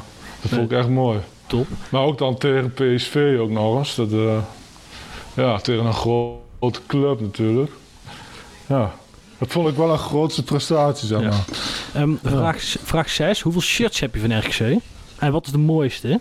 Eh, ik heb er drie. Ik heb eh, even denk het uitshirt van vorig jaar en het thuisshirt van vorig jaar. En het van het jaar ervoor het thuisshirt. Ik denk dat ik het eh, uitshirt van vorig jaar dan het mooiste van de drie vind. Oké, dat, dat zeg maar donkerblauw met dat oranje is dat dan toch? Ja, Oké. die vind ik wel het mooiste. Maar goed, dat wil niet zeggen dat het het allermooiste shirt is. Maar wel van wat ik heb, zeg maar. Wat is het wel het allermooiste shirt? Van de pak een beetje de afgelopen 20 jaar? Poeh, vind ik een moeilijke. Ik vind trouwens die van momenteel wel erg mooi. Dus misschien is dat wel... eh, er zullen wel mooiere zijn, maar... Nee, dat gaan we gauw doen naar de volgende vraag. Ehm, hoe lang kom je Ja. aan de Akkerlaan? Nou goed, die d- draaien we dan, eh, die, draaien, die heb je eigenlijk net verteld, hè? Ze- 17 jaar geleden dat, eh, dat hij toch, toch, toch een beetje volgt. Ehm, Ja, klopt. Ik, Ja. Ben, ik ben wel... ehm, kijk, een paar jaar met mijn vrouw eh, geleden ben, heb ik wel een shirtje aan... Toen we van de Efteling afkwamen. Heb ik al een shirtje bij eh, aan de Akkelaar gekocht. Maar eh, het eerste bezoek aan het stadion moet nog volgen. Maar dat zal wel... Dat gaat nog wel een keer volgen. Dat, eh, dat gaat nog gebeuren, zeg maar. Ja. eh, en dan doen we die laatste vraag alweer. Het, wat is Ja. nou het mooiste doelpunt eh, wat RKC ooit gemaakt heeft? Ja, dat moet die van Schreuder wel zijn. Vanaf de middenlijn. Nog een goede tweede en derde die, die, die, die, die boven ko- komen. Ja, die van, die van Spierings tegen Herenveen, die was ook wel abnormaal trouwens. Die op de slof in de kruising. Van een behoorlijke afstand. Deze staan me echt het beste bij, eerlijk gezegd. Ja, Ja. dan, eh, dan, eh, dan zou je er alweer, eh, Tom. Dan wil ik jou Oh, in ieder geval... snel. Ja, eh, dan, eh, dan wil ik jou in ieder geval hartelijk bedanken voor jouw medewerking. En, Ja, graag gedaan. Nou goed, eh, ja, top. Ja, en daar waren we eh, inmiddels alweer terug in de uitzending. Mannen, hangen jullie nog ergens? Ja, we hangen hier. Hangt Bram er ook nog? Bram? Ja, ik hoorde weer even Oh, niks. Sorry, dat was oké. storing. Maakt niet uit. Nee, het is, het is ontzettend spannend. Ik ben heel tijd blij dat ik jullie weer, eh, weer terug hoor. hey, nou, eh, we, gaan het, eh, we gaan eens vooruitkijken. Eh januari, transferwindow gaat open. Dat is voor niemand een nieuwtje natuurlijk. Ehm Ferdy Druif, eh, Bram. Ja, Kom maar, kom maar, ga maar los. mag ik? Ja hoor. Yes, yes. Nee, ik weet dat Frank eh gecharmeerd van Freddy Druif is. Eh Freddy Druif zelf is op dit moment eh, vrij ongelukkig in Alkmaar. Hij valt meestal heel kort in en speelt veel al zijn minuutjes in, eh in Jong AZ. Ehm, vorig jaar was dat wel iets anders. Hij is nu derde spits achter eh Boadou en Gudjonsson. Of Goedmondson, hoe heet de kerel. Dus ja, hij wil daar weg. Dat heeft ook aangegeven dat hij in de winterstop verhuurd wil worden. Nou ja, dat zal voor ons denk ik een missing link kunnen zijn. Dus ja, dat is een speler. Ehm, ja, plus ik, eh, ik zie graag een nieuwe rechtsback komen. En dan eh, heb ik al een tijdje lang eh, in Nijmegen gekeken. En daar loopt een, een rechtsback rond die ik heel graag naar onze Waalwijk zie komen. Dus wat mij betreft mogen die twee eh, posities eh, door deze mannen worden ingevuld. Tim? Ja, ik vind het lastig, dat moet ik je eerlijk zeggen. We hebben het natuurlijk al een beetje over gehad. Ik ben het al eens over die rechtsback-politie. Daar moet wel iets... Positie. Politie? Politie? Waar het hart van vol zit. Ehm, K3. ja, K3 bij de politie. Nee, eh, ja, die rechtsbackpositie. Ja, weet je wat het is? Kijk, eh, Bakari die doet het echt best wel oké. En eh, het is gewoon geen rechtsback. En het moet beter. Ja, Tim, kom op man. Het, het enige wat jij afgelopen zaterdag, zaterdagavond hebt geappt... Hey, ik was er niet klaar. is er weer zo een van Bakari. De bal over de goal. Nou ja, kijk, nou zeggen, daar, best daar wilde ik naartoe. Nee, nee, daar wilde ik naartoe. Kijk, het is best oké. totdat hij moet gaan voortzetten. Want dan houdt het op. Nou ja, kijk. eh, Nou, dat is toch wel best wel belangrijk. bij. Ja, nou ja, volgens mij heeft hij bij Groningen 28 voorzettingen. hè. En Zal er een er gingen extra er bal- 29 uit. Nou, het schijnt dat ze een extra ballenjongen daar achter de goal hebben gezet. Want die Ja, ander was moe. Dat is niet te doen. Dus ja, die rechtsbackpositie ben ik wel mee eens. Nou, weet je, wat ik gewoon lastig vind is dat ehm, je hebt nou elke plek twee dubbel bezet. Buitenposities zelfs eh, meer. Hè, want daar was Ole John natuurlijk al de bonus, eh, de bonusspeler. En ehm, eh, ja, goed, dat, dat vind ik gewoon een. het- het- het- dan moet je of iemand die halen die echt veel beter is, maar dan moet je iemand anders ook al meteen een kans geven om om ergens anders ja, het, het, het, zijn, zijn hel te zoeken. Want anders dan... Kijk, als je nou een nieuwe rechtsback haalt... dan moet je Gary verhuren. Dat lijkt mij e- evident. Ja, dat, dat is kan het toch? ding. Ja, ik weet niet. dat, ik, ik ben benieuwd. Want eh, kijk, natuurlijk, RKC komt niet om in het geld. We, we doen het wel beter dan andere clubs, gelukkig door onze financiële huishouding. Eh, maar kijk, de receiving end, zeg maar, eh, die moet ook het geld hebben om, om Gary een plek te kunnen geven. En eh, in dit, in, als we na- alleen naar de rechtsbackpositie kijken. En, en daar ben ik wel benieuwd, benieuwd naar. En, en in het dito geldt dat in principe voor de spitsen. Want ja, je hebt, Ja, dat- eigenlijk dat heb je net een half jaar twee nieuwe spitsen. En dan om dan alweer een nieuwe te halen. eh, dat, Nee, maar kijk, het, het is niet zozeer dat dat, dat een, eh, een doel op zich is. Kijk, de, de spits is meer. mm, Het, loopt daar nog steeds niet lekker. Hè? We concludeerden net al in het vorige uur eh, dat het scoren nog steeds zeer moeizaam gaat. Ja, dan is het wel lekker als je toch de kans hebt om even voor een halfjaartje eh, kwaliteit druif te kunnen halen.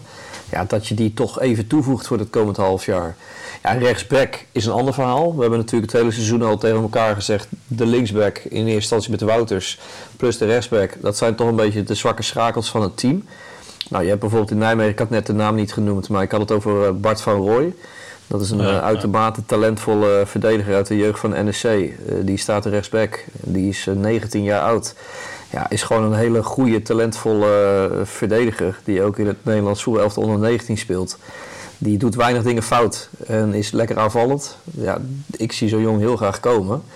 En ik verwacht de, de concurrenten die, eh, onderaan de ranglijst, waar we het net over hadden. Nou, daar gaat links en rechts ook clubs van alles halen. Een Emmen, een Fortuna, Willem II waarschijnlijk. Dus het is misschien wel verstandig dat wanneer mogelijk we toch één of twee jongens erbij gaan Nou, halen. ik, ik denk dat dat wel mee gaat vallen. Ik denk dat vooral een Willem II en zo, die allemaal best wel een flink jasje aan hebben. VVV. eh, dat, en dat die echt wel moeilijk zitten met hoeveel geld er nog is om, om spelers te halen. Ja, VV wel. ja. Ja, nee, klopt. Alleen die, die zijn wel natuurlijk ook, ook in de race voor die rechtsback van eh, NEC. En die zullen ook eh 100% zeker informeren naar Ferdy Druif. Ja, maar dan denk ik dat, eh dat Druif liever bij ons speelt met Grim en het spel wat we spelen. Maar ik denk VV, eh, Lucas, eh, ja, die hebben weinig geld. Dus daar hoef je Ja. misschien wat minder bang voor te zijn. En Fortuna gaat sowieso investeren, dat weet je. Dat wilden ze eigenlijk eh, voor het sluiten van een transferperiode wilden ze dat ook al. En daar zit ook een eigenaar die het geld heeft om het te doen. Nou, dat is hetzelfde met Emmen. Die zijn bereid om eh, financiële risico's te nemen. Hè. Dat hebben ze ook vaker gezegd. Dat zie je ook eh, door die aantal voetballers met die hoge salarissen die ze hebben rondlopen. Dus die gaan echt niet eh laatste staan en, en niks doen in de winter. Dus ja, ik, ik, ik denk als het kan, links of rechts één, twee eh, mannen nog aan toevoegen, dat we dat niet moeten laten. En ehm, eh, goed, ik zou nog wel een positie, een, positie willen nomine- nomineren waar we er misschien één bij kunnen halen. Ik vind als, stel Anita, die haalt bijzonder veel gele kaarten, eh, vind ik. En die maakt ook iets te vaak net een iets te heftige overtreding. Die heeft echt ge- geluk dat die Anita is hoor. Ik denk dat als een andere speler van RKC dat ze doen, dat die al sneller een rood kaartje had gepakt. Ehm, eh, maar ik denk dat, kijk, en als hij wegvalt, Ehm, ik vind Olzak toen een heel klein beetje tegenvallen. En die Augustijns is er gewoon nog niet. En, en dan vind ik wel de spoeling wel heel dun, zeg maar. Ja, eens. Ja, nee, mee eens. Ik zou niet weten wie je dan wel moet halen, maar ehm, ja, dat, klopt. Dat is voordeel van supporter zijn, hè, dat hoeven wij niet te weten. Ja. Wij roepen En maar dan nog even op, te vinden. op, op inhaken, hè, op Ja. eh, het kaliber Anita. Kunnen we van de wiel afschrijven? Ja, dat weet ik niet, man. Eh, Ik heb echt geen idee. Ja, ik wel. Voor dit seizoen. Ja, ik ben met Bram eens. Ja, en volgens mij gaat de brand eh, achtergrond op tv aan. Ja, ik, ik- dit seizoen denk ik, eh, dan wordt het, wordt, het wordt, ja, dan ga ik er even een cliché eh, ingooien. Het wordt wel met de week lastiger natuurlijk. Ehm, Ja. Ik denk dat de laatste deadline is het einde van de transferwindow. Ehm Ja, maar en als, als kijk, dat, nee, heel simpel. Kijk, ze gaan nou een winterstop in. Hebben ze allemaal twee weken vakantie. En als je daarvoor terugkomt, dan moet hij meedoen. En als hij er dan niet fulltime bij kan zijn en zich uiteindelijk fit kan krijgen voor het einde van januari, ja, dan, dan, dan wordt het hem niet. Dan, Ja, maar als dan hij ja, weet je, weet, je, weet je wat het is? Eh, als je ziet hoe lang Robben nu bezig is om weer terug op niveau te komen. Eh, dan is Robben nog een stuk ouder, ben ik met je eens. Maar die is fulltime weken bezig voordat hij überhaupt weer op volle kracht kan meetrainen. Nou is natuurlijk bij Van der Wiel een ander verhaal, omdat hij mentaal ook eh, eh, struggles heeft. Eh, dus hij doet het op zijn eigen manier, begrijp ik. Maar als je ziet, als je zijn Instagram volgt, hoe vaak dat hij nu ook weer in Dubai zit. Prima, hè? als hij dat nodig heeft, moet hij dat vooral doen. Maar waar, wat ik, waar ik heen wil is, als jij nu op 17 december in Dubai zit en dus niet bij de selectie traint en dus niet op de club bent, ja, dan kan je niet eh, begin januari weer meedoen. De- eh, ja, dat, dat bestaat niet. Nee, nee helemaal eens. Ik, eh, als, je, als je echt het doel hebt en je hebt de knop omgezet, je bent er 100% eh, over uit dat je eind januari fit eh, wil zijn, dan zit je nu niet in Dubai, dat is één. Ten tweede, wat Tim ook heel terecht zegt, eh, op het moment dat hij die keuze zou hebben gemaakt, dat hij er vol voor zou gaan, dan zal hij eerst echt nog wel eh, heel wat wedstrijdjes in, eh, in, in ja, tweede van de XC met oefenwedstrijd of wat dan ook moeten spelen om überhaupt wat wedstrijdritme op te doen voordat hij echt in het eerste kan spelen. Nee, dus dat is echt ver weg hoor. Dat hij van toegevoegde waarde kan zijn voor ons dit seizoen, dat zie ik eerlijk gezegd nu niet meer gebeuren. Nee, ik ook niet. Sorry, ik kreeg, eh, ik kreeg, ik, er was even iemand tegen mij aan het praten. Nou, kijk, ik, ik ben het er niet helemaal mee eens hoor. Dat, eh, dat, dat het feit dat je nu daar zit, dat, dat je fitheid of zo zou belemmeren. Want als die jongen toch voor zichzelf traint. Eh, kijk, het is een rare wereld. Hè. Ik kan me niet voorstellen dat ik nou in deze tijd naar Dubai vlieg. Maar eh, goed, hij is zeker niet alleen. En het zal zeker niet, niet, niet nieuw Oh zijn. nee, nee, maar dus, dat is mijn punt ook niet. Maar mijn punt is wel, als je er nu niet bij bent op de club, dan ben je in januari niet gereed om wedstrijden te spelen. Nee. En als je in eh, eind januari wedstrijden wil spelen, zit je simpelweg nu niet in Dubai. nou, dus- dat weet ik dus niet, dat laatste. Dat, dat ben ik niet met je eens. In ieder In geval. zijn situatie zeker. Maar goed, maakt, dat maakt ook niet uit. Hey, maar ik, wil nog, eh, Ja. ik wil nog één speler aanhalen. Oh, tuurlijk. En dat is eigenlijk een tip voor volgend seizoen. En dat is eh, Nick Dodeman van Volendam. Zijn contract loopt naar dit seizoen af. En hij heeft nu in 16 wedstrijden in de KKD 8 doelpunten gemaakt en 10 assists gegeven. Nou, Frank, luister je mee? Geen idee. Dus eh, transfervrij, ik zeg. eh, En anders die daarna man. nog even, even door aan Frank, joh. Doe even voor ons. Ja, doe maar. Ja, nog meer mooi nieuws eh, dat uh, F. Morfides er weer bij komt. Ja, ja heeft, die, die, van de heeft, week gespeeld. die heeft het flink te pak gehad, hè. Goeie knetters. Ja. Ja, ik, Ja, die is lang weg geweest. ik weet niet wat er precies meer bij zit, maar ik denk dat we toch wel kunnen concluderen dat dat een coronagevalletje is geweest. Eh, ik, ik, het verdere herstel weet ik ook niet fijn van hoor. Eh, het- ik, wij allemaal niet. Dus ik ben benieuwd. We misschien er nog achter komen. Eh, maar die, ja goed, dat laat maar. Ik, ik vond ook als je Etienne ziet op de Insta-filmpjes die af en toe voorbij komen, dan zijn het allemaal wel hele kleine bovenbeentjes geworden. ja, je hebt best, Ja. wel, fli- best wel flink ja, last van nee, gehad. je dus. hebt wel gelijk. Ja, nou ja, je hoort het van meer spelers. Hè. Je had Immers bij NAC ook bijvoorbeeld. Heeft ook een behoorlijke terugslag gehad, Ja. waardoor hij weer even een stapje terug heeft gedaan. Ja, er zijn een aantal gasten die... eh, ja, blijkbaar is met corona zo dat het heel erg afhankelijk is van welke gradatie je gehad hebt. Hoeveel impact dat heeft. Ja. We gaan nog even gaan naar de komende twee wedstrijden kijken. Eh, we hebben aankomende zaterdag hebben we PSV. Daar heb ik al ontzettend veel zin in, omdat ik dan eh, dat we dan Mario uh, Götze zien voetballen. Vind ik echt, echt een geweldige voetballer. Vond ik altijd al. Ik vind het echt geweldig dat hij in Nederland voetbalt. En ehm, eh, ja, goed. Hebben we, daar- zijn we daar bang voor nog? Of, eh, Voor Mario Gutsen. Nou, ik ben niet bang voor Mario Gutsen. Nou, wat wij hebben Toeba. Nee, maar voor PSV, eh, zeg het Ja, eens. ja, wat, verwacht je voor wedstrijd? Ik, eh, ik, ik verwacht een moeilijke wedstrijd. Ik denk elk punt dat je tegen PSV pakt is een bonuspunt. Oké, Tim, heb je ook nog iets wat niet te cliché is? ja, zeker. Nee, weet je wat het is, eh, Lucas? J- Jij hebt er, jij Gras is groen, de bal is rond. nee, sorry Ja. Tim, ik ben aan het vervelen. Nee, nee, Nee, ik denk, ik, ik denk dat we kans maken. Op een punt. Ja, dat weet ik. Dat en dat geeft mij hoop dat jij dat zegt als eh, Ja. nationale mascotte van RKC. Sowieso. Ik had, zo, ik had Heerenveen had ik goed. Ik had Twente goed. En ik had Groningen. RKC goed. Dus Groningen. ja, Groningen had ik RKC helemaal goed. Ik zei 2-0 verlies, jongens. Wordt niks vandaag. Dus eh, nee, En ik denk zeg je, eh, één even voor de puntje. thuis, Puntje PSV. 1-1 denk ik. Jongens, vul de Toto in. Nummertje 1-1. 3. Komt ja. helemaal goed.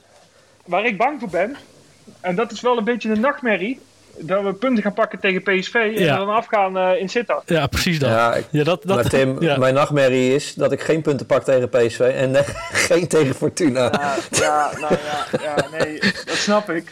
Ehm, maar ja, die, die wedstrijd, weet je, je moet gewoon in die wedstrijd tegen PSV voorzichtig doen. Geen overdreven gele kaarten pakken, geen rode kaarten riskeren, want die wedstrijd in Sittard, dat is even de wedstrijd waar de focus op moet Ja. liggen wat mij betreft. Want Ja. als je daar resultaat meeneemt, ja, dan kan je perfect de winterstop in. Ja, Ja. ik, ben, ik ben benieuwd wat, eh, wat, eh, of Fred nog comp- eh, een compromis gaat doen in zijn opstelling zaterdag.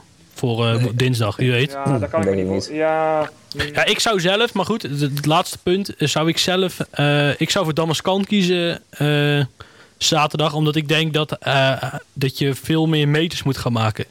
En ik vind Damas, en, en vooral snelle meters eh, tegen die gasten van PSV. En dan eh, kun je denk ik beter Damascan hebben dan Stokkers. Maar goed, eh, Ja, Fred, ja, eens. De vorige keer zeiden we zet van de verder erin en mee winnen we twee keer. Dus wie weet dat dit, eh, dat, dat, die, dat dit ook goed komt. Thomas kan erin. En, Hey. en Gons en, en John. En dan lekker met z'n drieën laten roleren en veel de ruimte achter de verdediging benutten. Dat, dat, daar gaan we het bij laten. Mannen, het zit er alweer op. Het is echt voorbij gevlogen. Ehm, ja, ik, ik, ik ga hem afsluiten. En ik wil de luisteraar in ieder geval ontzettend hard bedanken voor het luisteren. Eh, ik ben heel benieuwd hoe wij volgende maand de podcast weer gaan opnemen. Voor hetzelfde geld zitten we weer, eh, weer, weer ver van elkaar. het viel niet 20 tegen. Ik weet niet wat jullie vonden. nee, ja, ja, het is- goed. Het, het is raar, het is anders. Maar het is mooi dat we het tegenwoordig op deze manier gewoon kunnen doen, toch? In zo'n situatie. Ja, en volgens mij is het denk ik thuis ook eh, best goed overgekomen. Ehm, waar zijn wij te vinden, Tim? Wij zijn te vinden, niet op Instagram natuurlijk Ah. niet. Wel op Twitter. Eh, natuurlijk op onze website rkcnu.nl. En eh, we- je kan ons ook altijd mailen. info.rkcnu.nl En vergeet zeker niet te abonneren in de podcast-apps waarop je dit luistert. En ook niet, ehm eh, wat kan ik zeggen? Oh ja, en laat even een, even een rating achter, joh. Even op Apple Podcast. Apple Podcast, even vijf sterretjes. Spotify vijf sterretjes. Wie weet. Nou, dan... Rest mij nog één ding. Oh, wil je nog... Ja. Ja, dit was hem hè, de laatste van het jaar. Ja. Oh ja, nou, nou vergeet ik bijna te Ja. zeggen. Wij zijn terug. Wij zijn er straks weer bij. Straks in eh oudjaarsavond komt er een podcast online. En dan gaan wij terugkijken op het afgelopen jaar... waarin wij de podcast opstarten... waarin we in de Eredivisie bleven. En waarin we waarschijnlijk met eh, een heel mooi puntenaantal... de winterstop ingaan. Ja, Ja, het is een, eh, een heel gek jaar geweest. Maar eh, er komen betere tijden aan, zullen we maar denken. Ja. Ja, ik wil in ieder geval even via deze weg Iwan hartelijk bedanken voor zijn bijdrage. Eh, de GOAT, eh, annex eh, Henrico Drost, uiteraard ook weer die jullie straks gaan horen. Eh, wij zijn bezig met een hele interessante eh, nieuwe gast voor een nieuwe podcast. Dus laten we hopen dat het lukt. Dat zal echt een hele interessante voetballer zijn uit ons verleden. Eh, rest mij niets anders dan iedereen hele fijne feestdagen te wensen en een voorspoedig eh, twee, en gezond 2021. Ja, doe En ga voorzichtig. ervan genieten. Top. Nou, dan ga ik de GOAT instarten. Mensen, tot volgende maand. Goedenavond RKC-vrienden. Hier is eh Clipwatcher Enrique Drost weer. Ehm, ja, buiten het voetbal om eh, natuurlijk in een eh, ja, klote periode, om even zo te zeggen. Ehm, ja, afgelopen maandag natuurlijk weer de nieuwe maatregelen gehad. Waarin we vijf weken lekker thuis gaan zitten. Dus ja, dat, het is niet leuk en... eh, ja, laat 2020 voor- wat dat betreft maar snel voorbij zijn. Uh, het enige lichtpuntje is natuurlijk dat eh, ons clubje het goed doet. Eh goede resultaten heeft neergezet de laatste wedstrijden. Eh, op eh, Groningen uit na natuurlijk. Ehm, ja, ik vind eh, dat het team eh, steeds beter gaat spelen. Ehm, ja, belangrijke spelers worden fit die het verschil kunnen maken. En ik denk dat, eh, ja, wat ik zei, het als team steeds beter gaat draaien. ik denk dat RKC lastig eh, te, te kloppen ploegen op dit moment is. Ehm, ja, de eerste helft tegen Groningen was, eh, was ook prima. Het was niet dat er veel kansen gecreëerd werden, maar er werd ook weinig weggegeven. Ehm, ja, voor mij de tweede helft eh, onnodig door, eh, ja, door een beetje persoonlijke fouten dat je het eh, weggeeft. Maar ik denk eh, in deze wedstrijd dat het eh, niet nodig was om, eh, om te verliezen. Ja, en daarvoor natuurlijk prima resultaten gehaald tegen Heerenveen. Twente uit, knap gewonnen, waarin ze erg goed speelden. Twente, wat een goede ploeg is. Makkelijk voetbalt. En ja, ik denk dat de RKC daar wel echt, echt een knappe prestatie heeft neergezet. En natuurlijk de wedstrijd tegen VVV, wat erg belangrijk was. Vorig seizoen verloren we die wedstrijden tegen directe concurrenten. En eh, ja, heel knap hoe RKC eh, zich weer in die wedstrijd gevochten heeft. Eh, en de winst naar zich toegebracht heeft eigenlijk. Dus nee, qua voetbal hebben we niks te klagen op dit moment. wat de RKC betreft zijnde. Dat gaat gelukkig goed. Ik denk... ja, om even vooruit te kijken dat ze zeker in de eredivisie kunnen blijven, om eerlijk te zijn.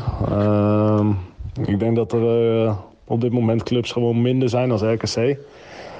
Ehm, ja, plus dat eh, de spelers die eh, laat gekomen zijn, nu ingepast worden of al zijn.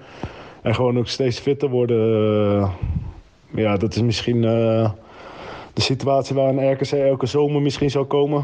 Hopelijk niet natuurlijk, maar ja, je wil natuurlijk de juiste mensen hebben op de juiste posities. En die komen misschien pas echt laat in de transferperiode vrij. Omdat ze misschien bij hun eigen club eh, geen kansen zien of eh, gewoon weer willen voetballen. En ja, die eh, jongens die hebben misschien een tijdje niet gevoetbald. hebben even helemaal niet gevoetbald misschien. En ja, die hebben gewoon even de tijd nodig om weer helemaal fit te, te raken. En ja, wat dat betreft zit je dan bij RKC wel goed. Wordt goed getraind. Eh, ja, de fysio's zijn met, eh, met de spelers eh, in het krachtong bezig.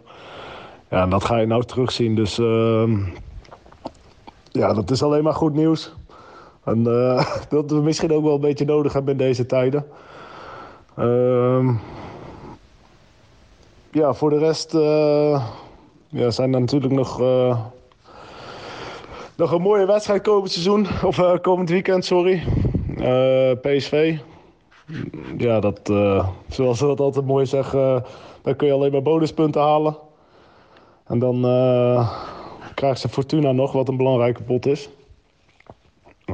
Die, eh, ja, dat zijn wel beslissende wedstrijden in de degradatiestrijd om, eh, ja, om van die onderste plekken weg te blijven. Dus dat, eh nou, laat ze bonuspunten halen tegen PSV en dan tegen Fortuna eh, drie punten. Dan eh, ja, heeft RKC een eh, prima seizoen zelf gehad. Dus eh, laten we, laat ze dat maar doen. Dan eh, gaan we toch nog met een goed gevoel de kerstdagen in en eh, oud en nieuw. Wat mij betreft was dit de podcast weer met, ja, met een geweldige kijk op het RKC van tegenwoordig van nu. Ik wens jullie het allerbeste toe in de laatste twee wedstrijden en ook fijne dagen. Een goede jaarwisseling. En eh, hopen op een eh, beter 2021. Dat eh, corona ja, het land uit mag gaan. Laten we dat hopen. Tot ziens en nog een fijne avond. Groeten, Enrico.